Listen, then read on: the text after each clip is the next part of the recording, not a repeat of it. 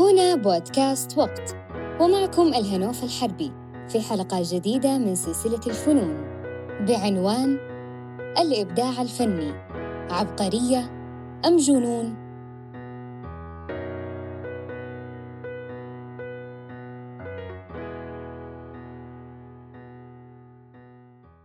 يقول أرسطو لا يوجد عقل عظيم لا يحوي لمسة من الجنون. ليش قطع فانجوخ إذنه؟ ليش دخل سلفادور دا للجامعة بسيارة فارهة محملة بالكروم لدرجة لم يظهر منه بداخلها إلا رأسه؟ ليش أكل الفنان ديفيد ديتونا لوحة فنية؟ ليش وليش وليش؟ كثير من الأسئلة ما استطعنا نجاوب عليها على مدى الأزمنة عن جنون الفنانين والعباقرة والمبدعين فالإبداع هو حالة متميزة من السلوك الإنساني والمجتمع يرى الشخص المبدع جدا شخص غير عادي وربما هذا ما ربط العملية الإبداعية بالجنون أو اعتبرها سلوك شاذ. فيرى فرويد أن الإبداع ينبع من العقل الباطن وهو مرتبط بالكبت ويعبر عن عقد ورغبات مكبوتة.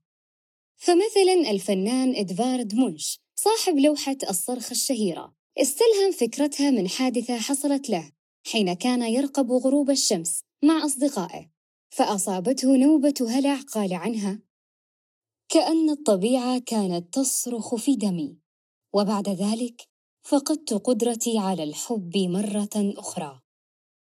فيرى علم النفس أن الأفكار العدوانية والدوافع غير المرغوب فيها التي يتم قمعها في الحياة اليومية يتم التعبير عنها بطريقة أخرى. لذلك قد تأخذ شكل الجنون. ربما لا يوجد إثبات حقيقي على تأثير الاضطرابات النفسية على الإبداع وكونها محفزة له لكن الحالات اللي استند عليها هذا الرأي موجودة وحقيقية. الفنان فان جوخ. بخلاف قطعه لإذنه في الحادثة الشهيرة رسم لوحته ليلة النجوم في المصح النفسي. والفنان فرانسيسكو دي جويا أنتج أعظم أعماله اللوحات السوداء الأربعة عشر وهو على مشارف الخرف. ويقال أنها تعبر عن حالة الهلع التي أصابته آخر حياته بعد فقدانه لحاسة السمع. ويقول الفنان إدوارد مونش حالتي كانت تقترب من حافة الجنون ثم تبتعد.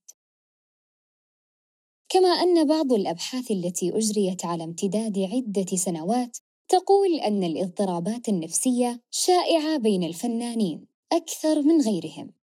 لكن هذا بالطبع لا يعني بالضرورة ارتباط الأمر بالعبقرية الإبداعية ولا ينفيه كذلك. علماء الوراثة لديهم نظرية تفسر هذا الأمر بشكل ما. تقول النظرية أن الطريقة التي يثير بها الاكتئاب الهوسي مثلاً نشاط الدماغ تؤدي إلى تأرجح شديد في المشاعر. بالتالي هذا الأمر قد يحفز الدماغ لإنتاج أفكار متباينة ومختلفة، وهذا التباين والعاطفة المتفجرة هي أساس الإبداع. وتشير بعض الدراسات إلى أن أكثر الاضطرابات النفسية والعقلية التي عانى منها المبدعون هي الاكتئاب الهوسي ثنائي القطب والهوس.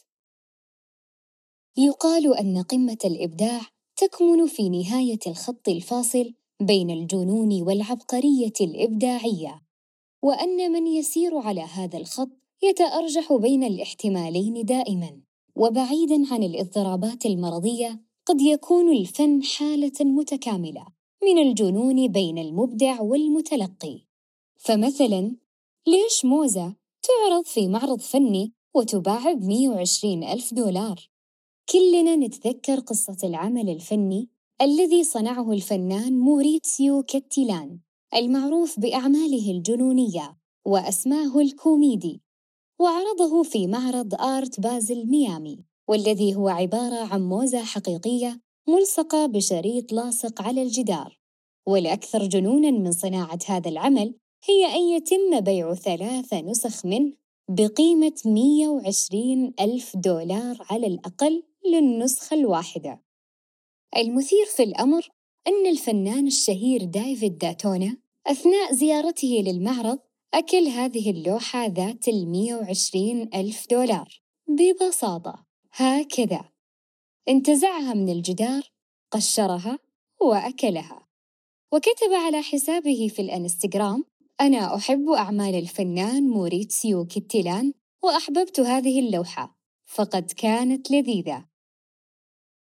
وأكد على أن هذا الفعل هو عمل فني من ناحيته وليس فيه أي تقليل من القيمة الفنية للوحة. في الحقيقة أن داتونا لم يأكل اللوحة أو الموزة بل أكل فكرة وهذا بحد ذاته سابقة تاريخية. فلم يحدث أن أكل أحدهم فكرة من قبل. أحياناً لا يكون الجنون في الفن إلا وسيلة للفت النظر وطريقة أخرى للتعبير مثلما كانت محطات الجنون في حياة الفنان سلفادور دالي لدرجة يصبح فيها وجهه رمزاً للجنون ويستخدم كقناع يرمز للتمرد في المسلسل الشهير لا كاسا دي بابيل وأحياناً أخرى يكون نتيجة لنبذ المجتمع للفنان. كونه غريب الأطوار أو مختلف فينعكس هذا على أعماله. ويبقى السؤال إن كان هناك رابط بين الاضطرابات النفسية أو العقلية والإبداع فهل المبدعون مبدعون بسبب هذه الاضطرابات أم بالرغم منها؟ في النهاية يبقى الإبداع الفني شكلاً جميلاً من أشكال الجنون. سواء كان جنونياً مرضياً حقيقياً أو مجرد تعبير مجازي وهل العقل المبدع لابد أن يحتوي لمسة من الجنون كما قال أرسطو؟ شاركونا آراءكم حول هذا الأمر